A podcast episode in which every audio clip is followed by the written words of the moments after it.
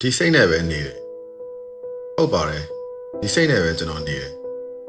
February တရက်နေ့ကလေးကမပျော်တော့တဲ့စိတ်နဲ့ပဲကျွန်တော်နေတယ်ခုထိလည်းမပျော်တဲ့စိတ်ပဲရှိတယ်တမင်လို့ယူထားတဲ့မပျော်ခြင်းဖြစ်ဖြစ်တကယ်ကိုမပျော်ရတာပဲဖြစ်ဖြစ်ကျွန်တော်မပျော်အောင်ပဲနေတယ်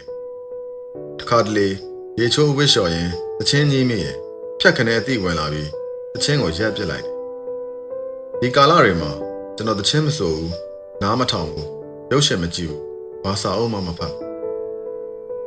ဒီလုပ်တွေကကျွန်တော်အတွက်စိတ်ထွက်ပေါက်တွေဖြစ်တယ်လို့ပျော်ရွှင်မှုတွေပေးတဲ့အလုပ်တွေလည်းဖြစ်တယ်ကျွန်တော်မမတ်ဆက်ဆက်လုပ်လို့ရှိတဲ့ဝါသနာတွေပဲထပ်ပြီးပို့ပြီးလုံနိုင်တာတွေကကျွန်တော်စန်တာတွေကိုမသွားပြအောင်နေတယ်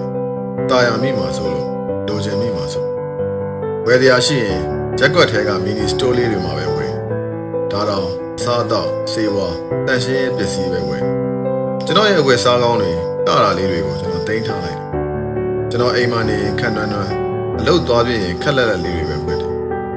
ဝယ်စားတဲ့တွေအလှပပစ္စည်းတွေဘာဆိုပါတစ်ခုမှကျွန်တော်ဝယ်တော့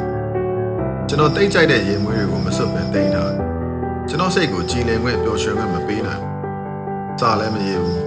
ကျွန်တော်စိတ်ခံစားချက်တွေကိုလူပညာပင်လယ်နဲ့ပြောမထားချင်ဘူးကျွန်တော်စိတ်က နာကြီးမုန်းတီးစိတ်တွေနဲ့ပဲပြည့်နေခြင်းပြီးတယ်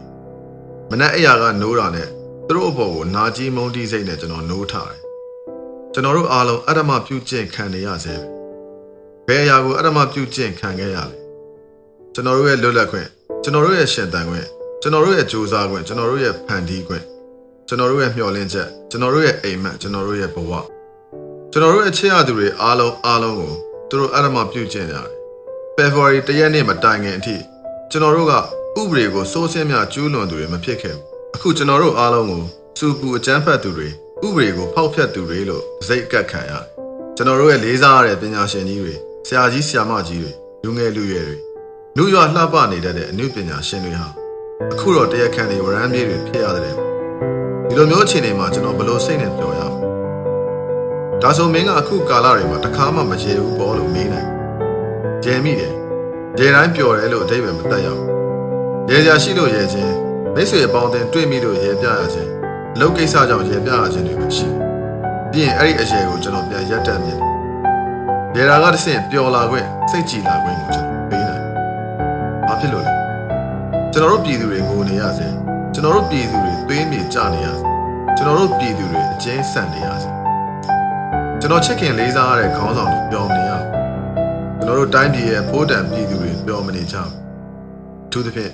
ကျွန်တော်တငယ်ချင်းတွေပျော်မနေကြဘူးသူတို့မှတင်းရှောင်နေရသူတွေမတရားပုံမှအတက်ခံနေရသူတွေဖြစ်လို့ကျွန်တော်လည်းကျွန်တော်တငယ်ချင်းတွေလို့ပျော်စရာမလိုကျွန်တော်ရင်ထဲမှာစူးစူးနစ်နစ်အမုန်းတွေရှိနေရမယ်အဲ့ဒီအပင်ကြီးရှင်တန်ကြီးထွားအောင်ကျွန်တော်နေတိုင်းပြိုးထောင်နေကျွန်တော်သူတို့ကိုဘတော်မှဘတော်မှခွင့်မလွတ်ရဘူးဟုတ်တယ်ဒီအချိန်သိရင်လဲ ကျွန်တော်လဲဒဲဦးပဲသူတို့လဲဒဲဦးပဲဖြစ်ရမယ်အဲ့ဒီလိုစိတ်တွေနဲ့အတူကျွန်တော်မပျော်ပဲနေတယ်